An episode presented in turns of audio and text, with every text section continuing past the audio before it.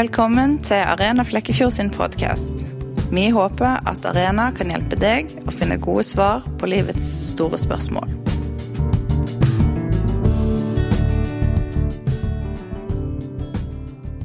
Mandag 2.9.2019 starta Arena Flekkefjord opp med temaet Vitenskap eller tro. I denne episoden skal vi høre på Leif Egil Reve sin undervisning om dette temaet. Jeg heter Leif Egil Reve. Jeg er fra Kristiansand, født og oppvokst. Og eh, selv om eh, Kristiansand kan regnes som en del av bibelbeltet, eh, så er jeg vokst opp som ateist. Eh, jeg eh, var ganske tydelig på posisjonen min eh, fram til jeg var ca. 18 år. Eh, når jeg var 18, så var det en eh, som jeg ble kjent med, som utfordra meg på begynnelsen på universet. Eh, og når jeg prøvde å tenke så åpent og ærlig og klart som jeg kunne, og som jeg fremdeles er i stand til, eh, så kom jeg fram til at eh, det som gir mening her, det er at det fins noe som har gjort at universet eksisterer. Så skjønte jeg også at når kristne snakker om Gud, så er det den der, der, der. Det som gjorde at universet begynte. Det er den de snakker om. Men jeg trodde da ikke at dette her var den kristne gud. eller noen ting sånn. Jeg trodde dette her var en eller annen gud.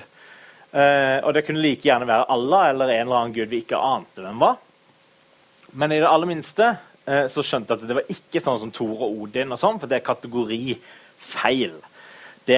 Thor og Odin er ikke den typen guder som har skapt universet, men Allah og Yahweh og den typen guder, deistisk gud, det er de gudene som har skapt universet.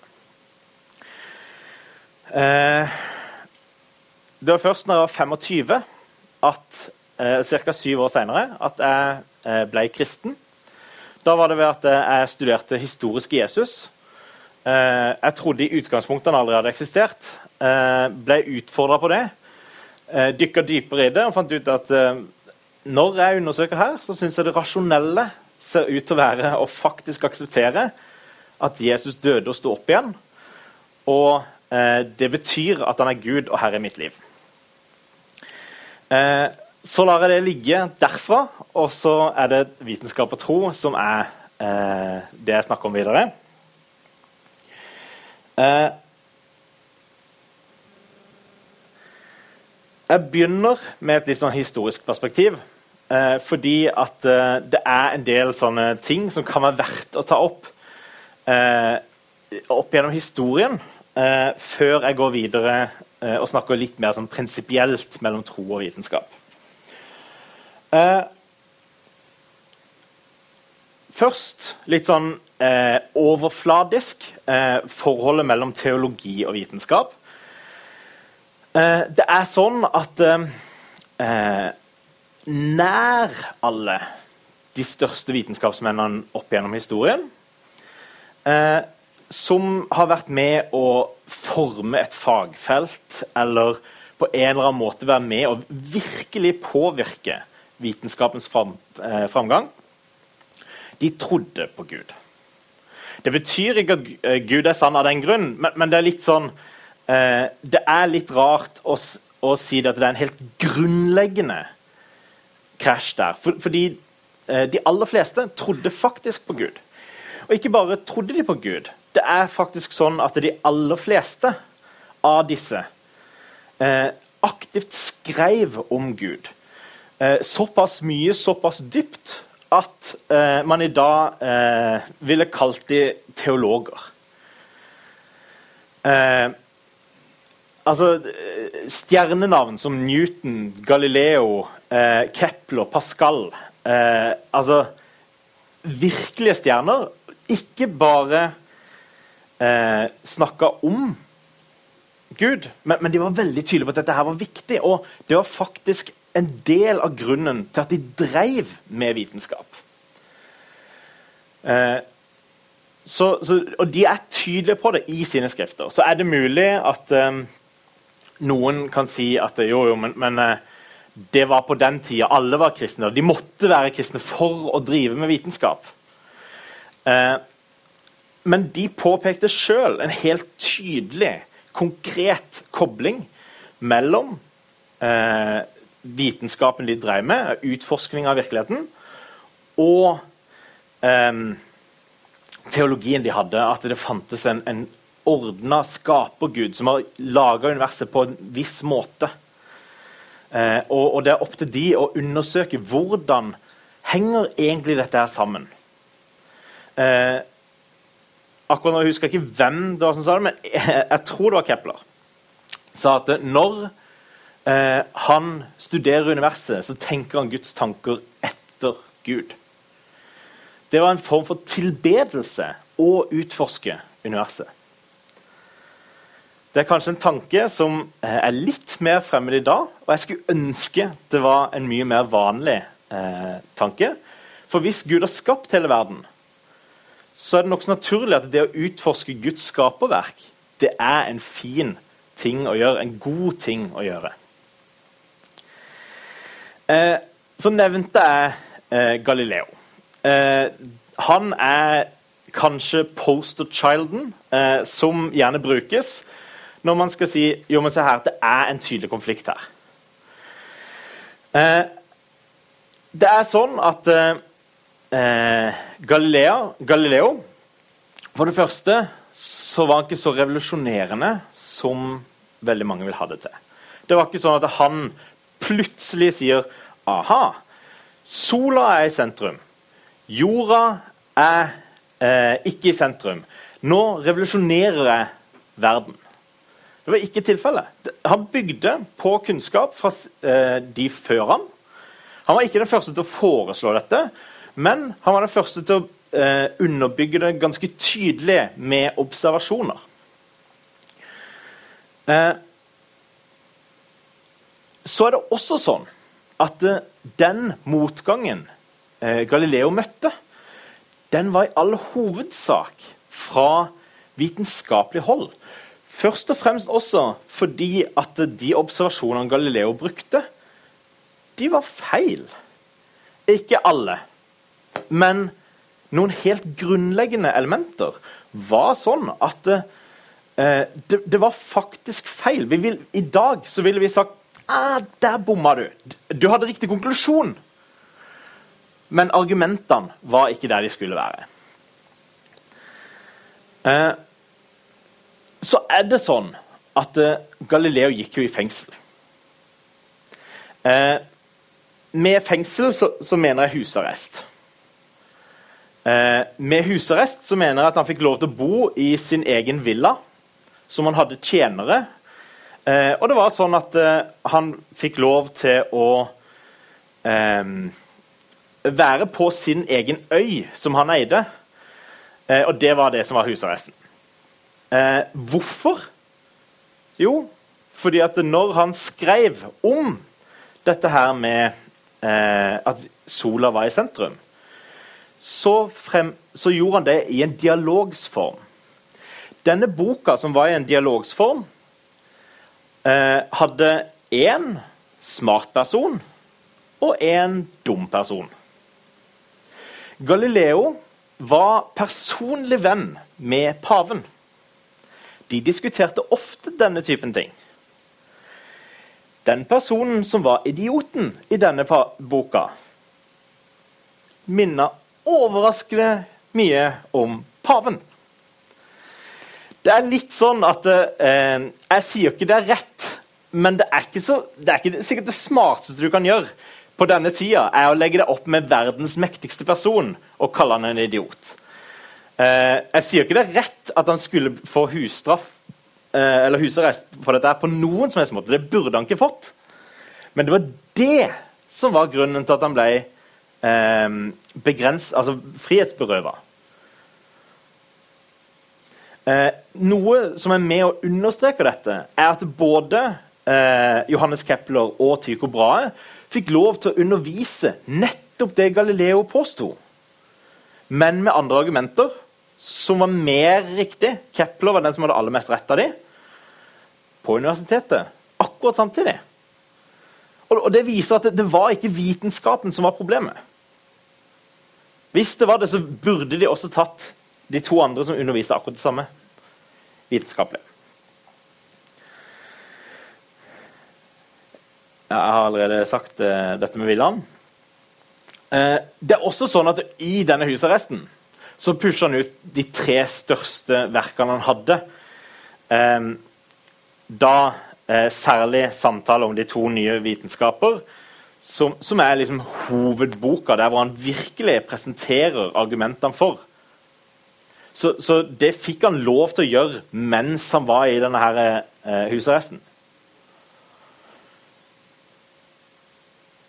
Det er også sånn at Han fortsatte av og til å spise middag med paven i husarrest. De fortsatte å være noenlunde gode venner, men Pav måtte gjøre et poeng. Eh, så er det eh, en sånn idé som, som, vi veldig ofte hører, og som eh, en venn av meg akkurat har skrevet en bok om. Eh, der, dette er en av de tingene han tar fram. At det, er veldig mange myter som til og med undervises i skolen. Eh, som rett og slett er unøyaktige. Eh, en av de er den vitenskapelige revolusjonen, som vi bygger fra opplysningstida. Eh, det er sånn at eh, det er en sånn periode, type renessansen, som er 1400- til 1700-tallet. Det er perioden før opplysningstida.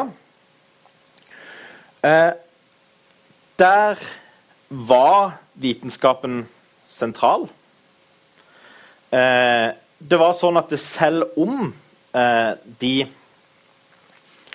eh, Selv om de, de, tok mye feil i, i, mye av det de sa, så var det eh, ikke sånn at når de tok feil, så var det fordi de var så sykt lite opplyste. Eller fordi de var imot vitenskap. Det var rett og slett fordi de observasjonene de gjorde, ikke var så metodologiske, f.eks. Det, det var noe som kom litt senere. Hvor metodologisk, altså hvor metodisk det var å undersøke. Og det hjelper å sette ting inn i system når du skal få systematiske svar. Merkelig nok. Eh, og eh, ikke minst så bygga altså du, du, du, ser ikke en plutselig revolusjon. Plutselig så bare endrer alt av tankesett og Masse nye ideer popper opp.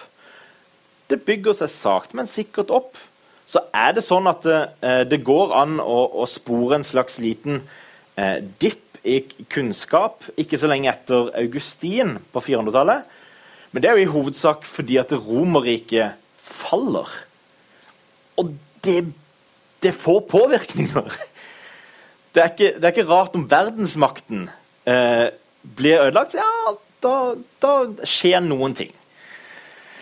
Noe av det var at eh, det forsvant en del. Og, og det er gjerne der eh, myten om eh, the dark ages, eller mørketida, eh, kommer fra. Det er litt sånn Jo, i den perioden her så skjedde det veldig lite. For det første skjedde det ikke lite.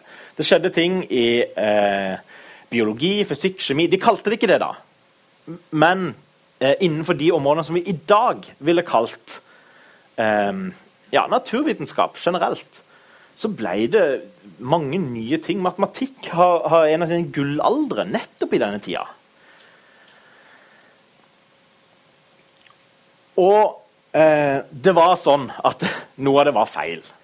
Eh, noen, noen, ganger så jag, jagde de en idé som bare leda de helt på villspor.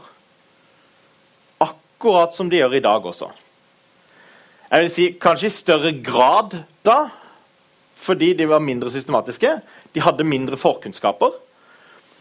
Men også i dag så vet vi at noen må ta feil i noe de dykker skikkelig dypt i. Ta f.eks. begynnelsen på universet. Noen vil hevde at det finnes et multivers. Masse forskjellige universer før. Andre vil si nei, universet begynner da. da og, begge, og begge to finner du ganske smarte vitenskapsmenn som eh, virkelig står på sitt. Og minst én av de må ha feil. Så, så, så også i dag så, så er det eh, ideer som er tydelige og utbredte, men feil. Det var eh, litt kort det historiske. Eh, så skal jeg gå litt mer prinsipielt eh, snakke litt mer om tro og vitenskap og forholdet mellom de. Eh, og Nå har jeg på mange måter allerede lagt en forutsetning på hva jeg mener med vitenskap, men det er på tide å definere det. Eh, vitenskap det beskriver hva som skjer, og ikke hvorfor. For eksempel hvis jeg eh, slipper noe jeg har i hånda nå, så beskriver jeg hva skjer. Jo, det, noe går mot bakken. Så vil noen si jo, men du, du sier også hvorfor. Du sier fordi tyngdekraften. Men tyngdekraften det er en beskrivelse av hva som skjer. Tyngdekraften For det første så, eh, så, er det litt sånn eh, prinsipielt så har man ikke bevist tyngdekraften, man har bare ikke motbevist den. Eh, det betyr ikke på noen måte at jeg er skeptisk til, til noe tyngdekraft. eller noe sånt, men, men, det er et prinsipp som fungerer i, i uh, vitenskap. Som vitenskapen er bygd opp i dag, det er at uh, de, mot, nei, de, beviser ikke ting, de bare motbeviser ting. Og det som gjenkjenner en veldig god teori, sånn som tyngdekraften, uh, tyngdekraftsteorien, det er Den ser ikke ut til å la seg motbevise. Det vil si, han ble endra, eh, om ikke så dramatisk sånn at vi gjenkjenner det, så i hvert fall i teorien så ble han ganske eh, mye endra eh, da Einstein oppfant, nei, eller eh, oppdaga eh, relativitetsteorien. Men vitenskap det driver først og fremst med eksperimenter og når jeg snakker om vitenskap, her, så snakker jeg om naturvitenskap. Så, så um, Særlig på norsk så, så er vitenskap det, det, er liksom samfunnsvitenskap og historievitenskap. og vi har alle mulige vitenskaper. Når jeg snakker om vitenskap, eh, så er det naturvitenskap jeg snakker om. De driver med eksperimenter. Eh, de bygger seg på gjentakelser. Hele konseptet med å drive god vitenskap er nettopp å finne ut hva er det som gjentar seg. Hvordan kan vi komme til det som gjentar seg? Det er jo hele eh, grunnen til å drive vitenskap. Hvis det er en hel ting som ikke gjentar seg, så forkaster du de resultatene og så sier du men det var ikke det vi var ute etter. Det er noe annet som påvirker. Det vi er ute etter, det er det som til syvende og sist kan bli lover. Og så er det ikke alt som, som, vi rekker å få til liksom, lovstatus. Altså Det som er gravitasjonsloven, den er ganske godt uh, etablert. Uh, det er en grunn til at det ikke er noe som heter multiversloven. Uh, den er ikke så godt etablert. men det viser at vi, naturvitenskap driver ikke med den typen ting f.eks. historie driver med. Historie de, de, driver og ser på ting som skjer én gang. De ser ikke på hva skjer vanligvis, de ser på ja, hva skjedde da. Eksempel.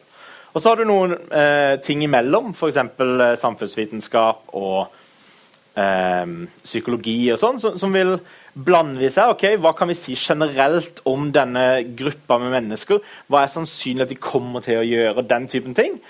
Eh, veldig interessant. Eh, en blanding av disse typer ting. Eh, for å illustrere eh, poenget her eh, jeg, står, jeg er på besøk til bestemor. Har med meg fysikerkompisen min. Jeg spør bestemor kan Jeg har veldig lyst på te. Kunne du ordna det? Og så eh, sier hun ja, selvfølgelig skal ordne på det, og setter på en skjele med vann og eh, begynner å gjøre klar. Så spør jeg fysikerkompisen min du, hvorfor koker det vannet.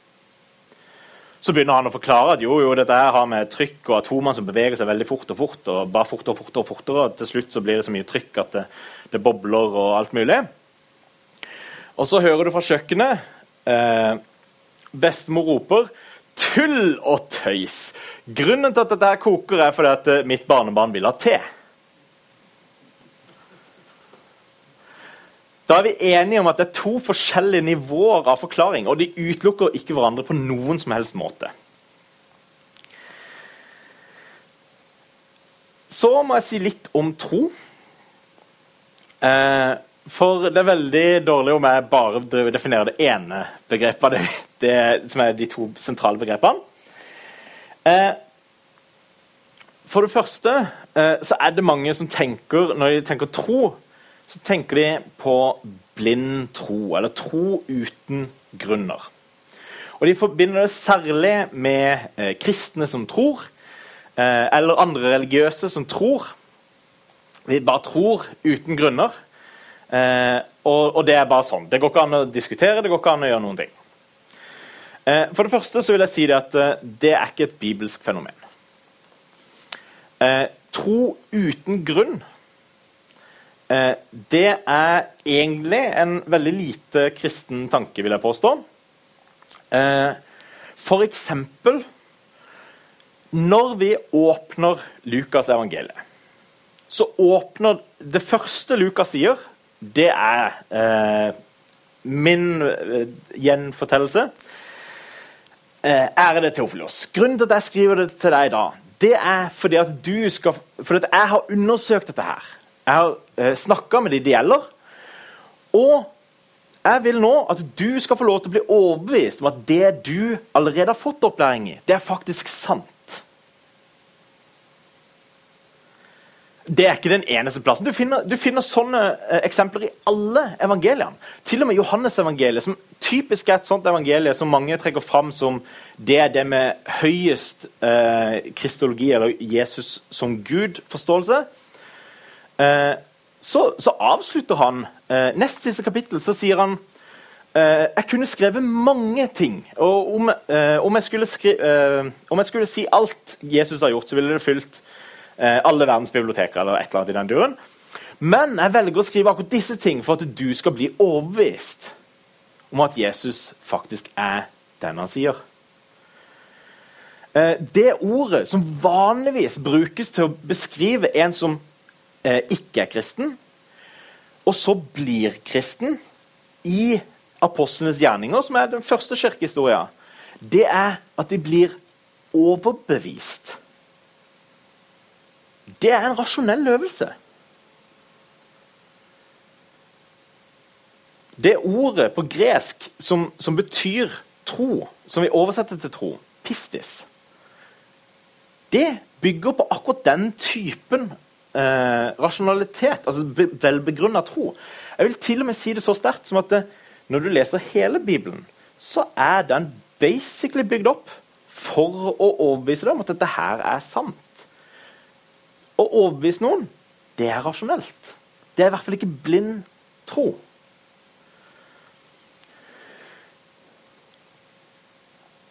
Så er det sånn at eh, for å tro noe, så må man ha grunner til det. Hvis ikke man har grunner til å tro noe, så ville man ikke trodd det. Det er helt grunnleggende. Altså, um, det, det, det, er sånn tro fungerer. Uh, det som er litt ironisk, er at det nærmeste jeg ser å faktisk være et, uh, et ståsted der hvor man egentlig ikke har gode grunner, det er når noen sier at universet kommer fra ingenting.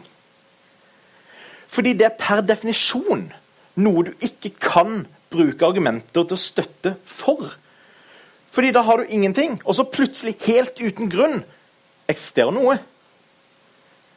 Det er faktisk det aller tydeligste eksempelet jeg har på, på eh, noen som tror noe uten å kunne gi en grunn.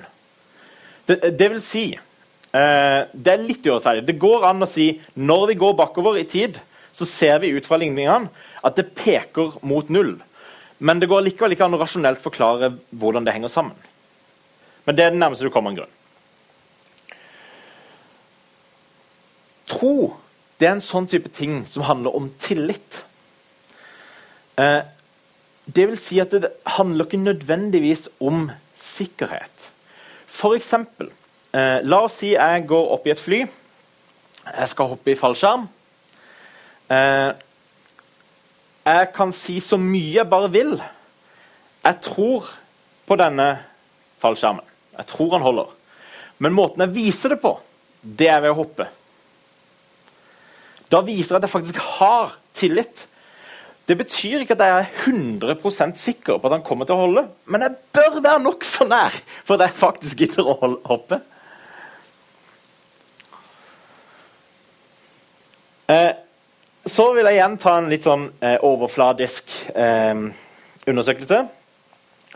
Eh, her har jeg nevnt fire, no nei, jo, fire nobelprisvinnere. Én eh, muslim, en protestant, en ateist og en katolikk. I hvert fall overfladisk så ser det ut som om eh, uavhengig av hva slags tro man har, så kan man drive verdensledende forskning. Så det jeg ikke sier, er at du må være kristen for å drive verdensledende forskning. Eller motsatt. Det ser ikke ut som om det er en sammenheng her. Du finner um, Den eneste gruppa som er overrepresentert veldig tydelig, det er jødene. Jøder får nobelpriser i ett sett overalt i alle mulige ting. Uh, utover det så, så, er det ingen som er uh, veldig uh, overrepresentert. Med mindre nei, Eller underrepresentert, med mindre du tar med Kina, som egentlig generelt får veldig få nobelpriser. der er det veldig mange ateister. Så ateistene blir underrepresentert fordi det er ganske mange av dem. Men eh, hvis, man justerer for den typen eh, ting, så blir, det ikke, så blir, det ikke, så tydelig noen vei. Eh, så har jeg fire nye personer. Det er personer som er tydelige Ja. Eh, når jeg skulle lage denne her lista her, det er en veldig vanskelig jobb. Eh, veldig få nobelprisvinnere snakker veldig mye om troa si. Verken den ene eller den andre eh, retninga. Så dette er de som er tydelige, som jeg fant eh, når jeg hadde følt jeg hadde funnet nok. Så sånn, OK. Eh, men, men, de aller fleste de er ikke veldig tydelige. Men det fins vitenskapsmenn som er veldig tydelige og klare på troa si. Eh, og da ser, ser jeg særlig på kristne. da. Eh, Francis Collins han var med å lede Human Genome Project. Grunnen til at vi vet noe om det menneskelige DNA i dag, hvordan det menneskelige DNA er, det begynte med dette prosjektet. Det er verdensledende forskning. Når jeg bare har sagt et ord, eh, så betyr det da har de en doktorgrad. Så fysisk kjemi han har doktorgrad i det. George Ellis er også verdensledende kosmolog. Men han har også to doktorgrader, en i teoretisk fysikk og en, en, en i anvendt mat, uh, matematikk. Som jeg syns er litt ironisk, for matematikk er jo gjerne det, det, teoretiske, og fysikk det praktiske eller anvendelige. Så ja. Dennis Lamoureux har én doktorgrad i biologi, én i teologi og én i tannlege. Alistair McGrath Eh, altså, det er sånn at Hvis du går og studerer teologi, så leser du sannsynligvis hans systematiske teologibøker. Han har også doktorgrad i molekylær biofysikk, som var det han begynte med. Eh, og så ble han kristen. Eh, og så begynte han å studere teologi og idéhistorie. Tre doktorgrader. Sånn skjer. Eh, det jeg ikke sier, er at pga. at vi har smarte menn som er kristne, så må det være sant. Det er ikke det jeg sier. Eh, men det jeg i hvert fall sier, er at eh, det ser ikke ut til å være en sånn der grunnleggende eh, Et grunnleggende skille imellom her. For, de her de løper rundt og holder foredrag sånn som dette. Når jeg lager dette foredraget, så blir jeg inspirert av disse, f.eks. De, og, og, det er jo eksperter på, på vitenskap. Så, så eh, ja. Så er jo spørsmålet da, kan vitenskap og tro henge sammen. Det er sånn at Hvis vi som kristne tror at Gud er skaperen av hele virkeligheten Hvis det er det vi tror, så følger det at eh, virkeligheten ikke kan motbevise Gud. Hvis det er sant at Gud har skapt hele virkeligheten, så, så går det ikke å finne noe som motbeviser Gud i denne verden. Det betyr også at hvis vi skulle finne noe som motbeviser Gud i denne virkeligheten, så kan ikke Gud være skaper av virkeligheten. Til gjengjeld vil jeg si at det, det, sier egentlig veldig lite om hypotesen Gud. Eh, for eh, Gud kan i utgangspunktet forklare veldig, veldig mye forskjellig vitenskap. Eh, og det er litt sånn at Jeg kan vanskelig se for meg at vi kan finne noe som bare helt grunnleggende motbeviser Gud. Um, så, så, det sier ikke så mye. Det er mer, mer sånn prinsipielt. Uh, men det jeg vil si, er at hvis det fins en skaper av eh, virkeligheten, eh, så gir hypotesen Gud mening til mye mer enn bare vitenskapen. Jeg vil si Han gir også mening til vitenskapen. Det forklarer hvorfor vitenskapen er eh, systematisk. Vitenskapen hadde ikke trengt å være eh, lovbasert. Det hadde ikke trengt å være sånn at eh, det skjer det samme hver gang jeg slipper eh, noe jeg har i hånda. Det kunne vært sånn at eh, en gang når jeg slipper, så går det ned. En annen gang så går det litt opp før det går ned. Altså det trenger, Selv om vi er vant med, med, at det alltid går ned, så trenger det ikke prinsipielt sett å være sånn. Men hvis det ligger noe intelligent som har gjort at universet eksisterer, så gir det i det minste mening at universet er en sånn type univers som er mulig å utforske rent rasjonelt. Så det forklarer på en god måte hvorfor universet er sånn som det er. Samtidig som det også forklarer andre ting, som eh, moral og andre ting jeg kommer til etter hvert.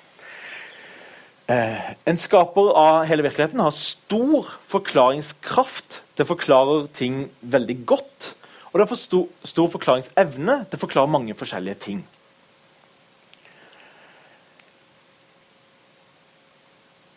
Og så er det sånn at tro og vitenskap de snakker om noen av de samme tingene. Ikke alle de samme tingene, så, så, men, men, det peker mot at hvis de snakker om noen av de samme tingene, så er det et eller annet forhold her mellom tro og vitenskap, eller teologi og vitenskap, som vi må forholde oss til. Og uh, vitenskapen de snakker om en begynnelse. I Bibelen så kan du lese om en skapelse. Begge to altså de snakker om en, eh, det som var først. Eh, vitenskapen den snakker om naturlover.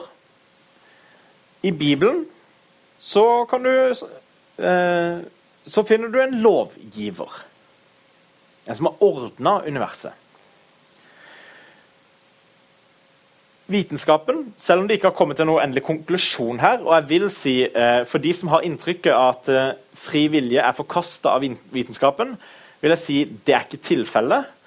Eh, særlig Det var en liten dipp eh, der, der, hvor det så veldig mørkt ut, men nå eh, er, er, en av de vanligste teoriene det er eh, Om ikke fri vilje, så i hvert fall fri vil ikke.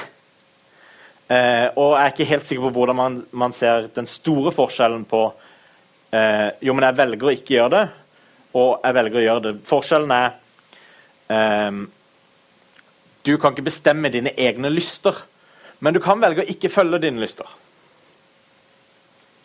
Så, så vil jeg si at det, det, ser ut til å være sånn at vi kan forme våre lyster på noe vis, men om ikke helt.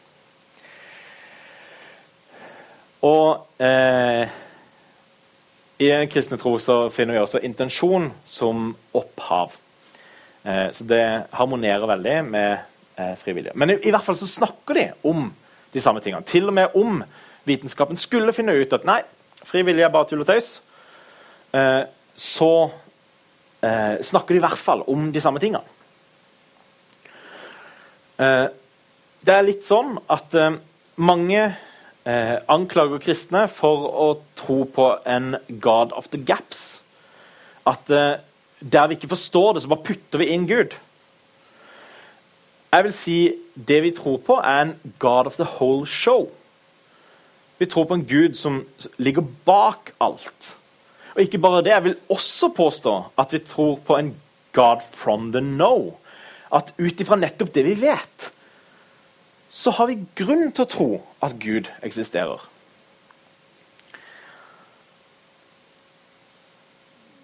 Og Nå kommer det noen kraftige påstander, så da er spørsmålet kan vitenskap fungere som en peker mot tro. Eh, jeg vil si ting som begynnelsen, lovmessighet, det at det, eh, livets start ser ut til å være en sånn type ting. som jeg, Når jeg begynte å utforske disse tingene, så tenkte jeg nei, der er det ingen grunn til å putte inn Gud i det hele tatt. La oss bare vente og se, de kommer til å oppdage det. Nå er det sånn at eh, jo mer og mer vi opp, eh, utforsker livets begynnelse, jo vanskeligere ser problemet ut til å bli. Det kan være vi vil løse det, helt greit. Men i hvert fall så er det en peker. Hvis det bare blir vanskeligere og vanskeligere hele tida, så er det kanskje en peker mot at eh, ok, kanskje det er noe intelligent bak. Kanskje det er noe som har gjort at det starta.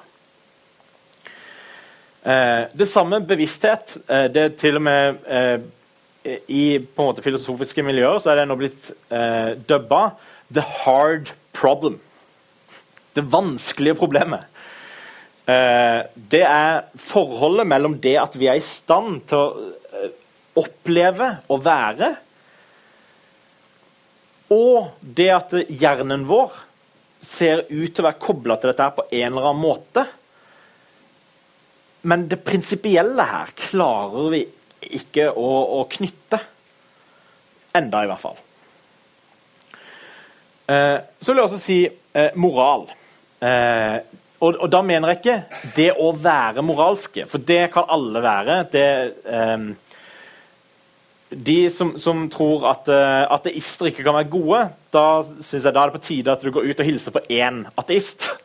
Det er nok til å motbevise den uh, teorien. Men konseptet om godt og ondt det er veldig veldig vanskelig å grunne i en verden der hvor Gud ikke eksisterer. Da blir det veldig fort at det, eh, det er noe som mennesker har konstruert. Og Det er helt greit, det, men, men det betyr at det, det, det, er ikke noe iboende godt å gjøre gode ting. Det betyr at det, er bare iboende å følge menneskeheten det vi er enige om. Og så er det det moral er. Jeg vil si Alle disse eh, tingene her de peker mot Gud. Eh, så er det sånn at en del eh, Særlig når jeg, eh, sånn som når jeg åpna her, så, så, begynte jeg med å si at uh, jeg syns faktisk det var rasjonelt å se at Jesus han døde og sto opp igjen.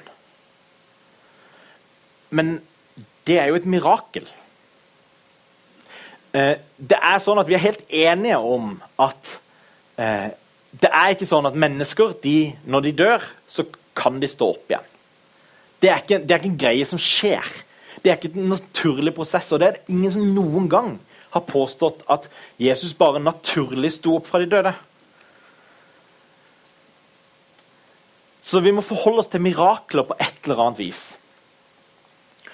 Eh, det første jeg vil si, at de som sier at mirakler ikke kan eksistere, eller ikke kan finnes, de tar en filosofisk posisjon, ikke en vitenskapelig posisjon. For vitenskapen den snakker om hva som vanligvis skjer. Ikke om hva som skjer enkelthendelser. Eh, så, så, det er prinsipielt forskjellige kategorier av eh, måter å tilegne seg kunnskap om verden. Så hvis du påstår at mirakler kan skje, så er det et filosofisk standpunkt. Det, det er mer eh, prinsipielt Det er ikke et godt argument imot, eller noe sånt. Det, det er bare for å rydde eh, For å sortere i tankene her. Eh, hvis du påstår eh, det, så er det ofte at det ligger en slags eh, tanke om at vitenskapen er den eneste måten å, å vite noe om virkeligheten på. Og det, det tror jeg er åpenbart feil.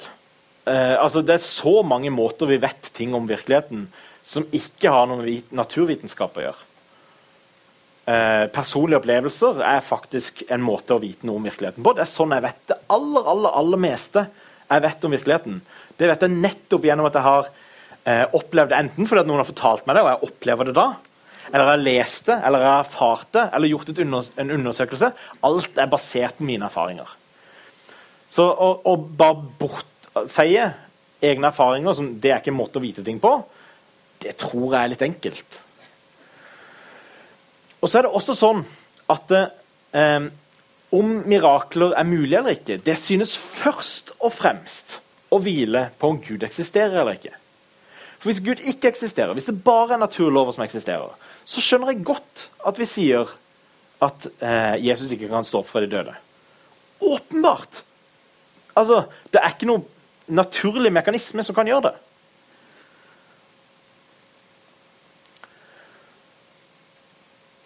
Det betyr at eh, vi må se på argumenter for Guds eksistens for å se om eh, det er sannsynlig at mirakler kan være.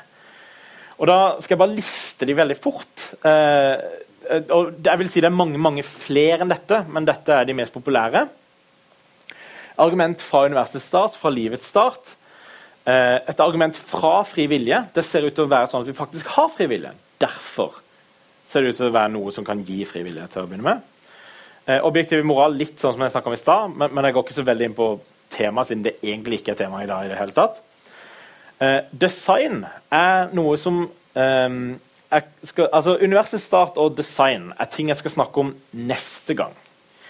Eh, så da går jeg faktisk mer inn på hva er argumentene her, heller enn å bare si det. For, for det, det, jeg ikke har gjort når jeg argumenterer for det.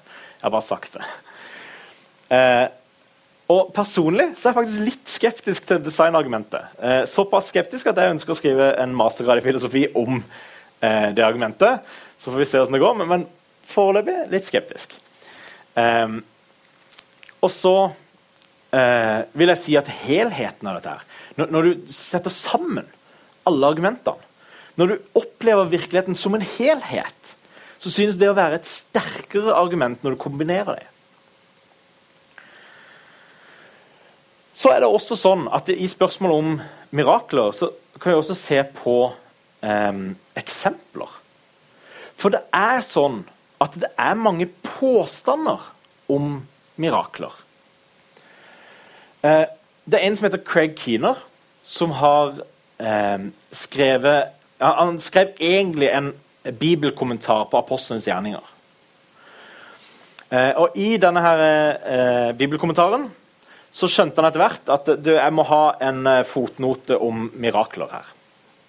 For jeg, jeg må si noe om det.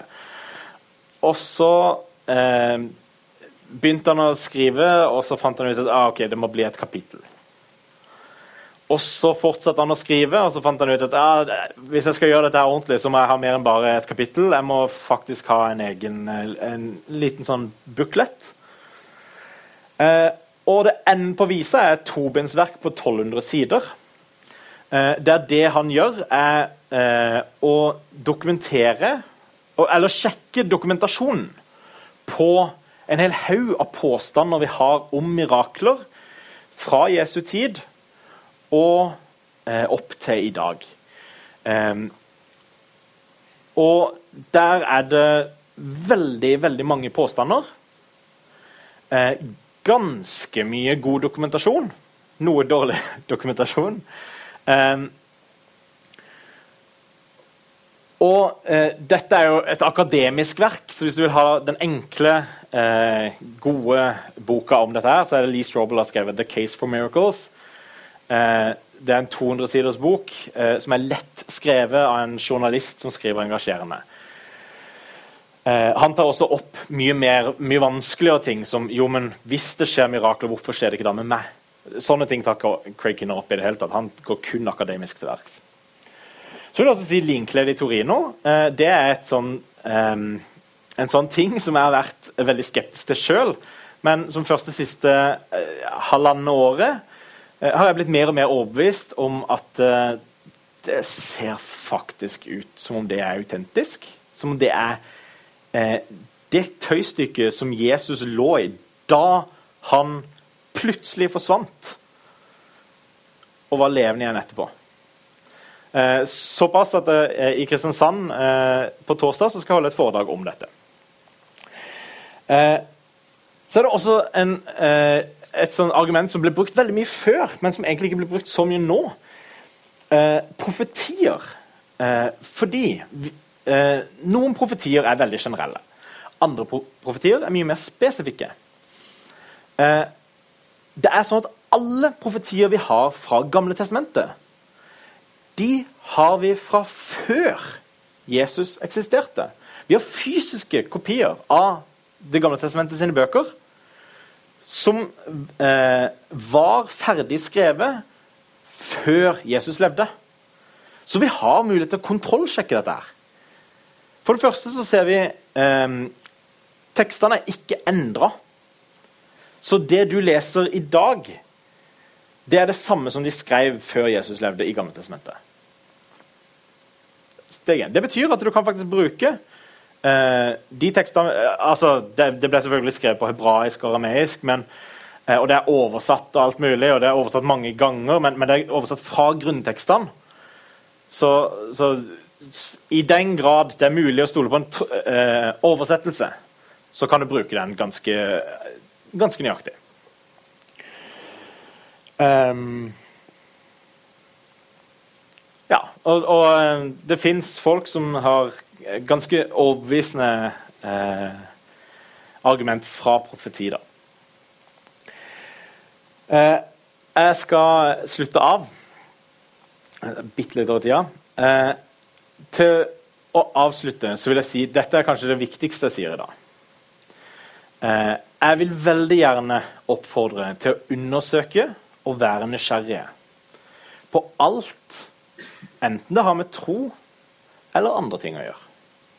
Jeg tror det er en bra ting å uh, utforske virkeligheten. Så tror jeg det er sånn at uh, sannheten det er en sånn type ting som tåler de aller vanskeligste spørsmålene det er mulig å stille. Derfor så oppfordrer jeg også, når vi skal ha spørsmål etterpå, Bruk den til å stille ærlige, vanskelige spørsmål som er vanskelig å svare på. Det er en bra ting.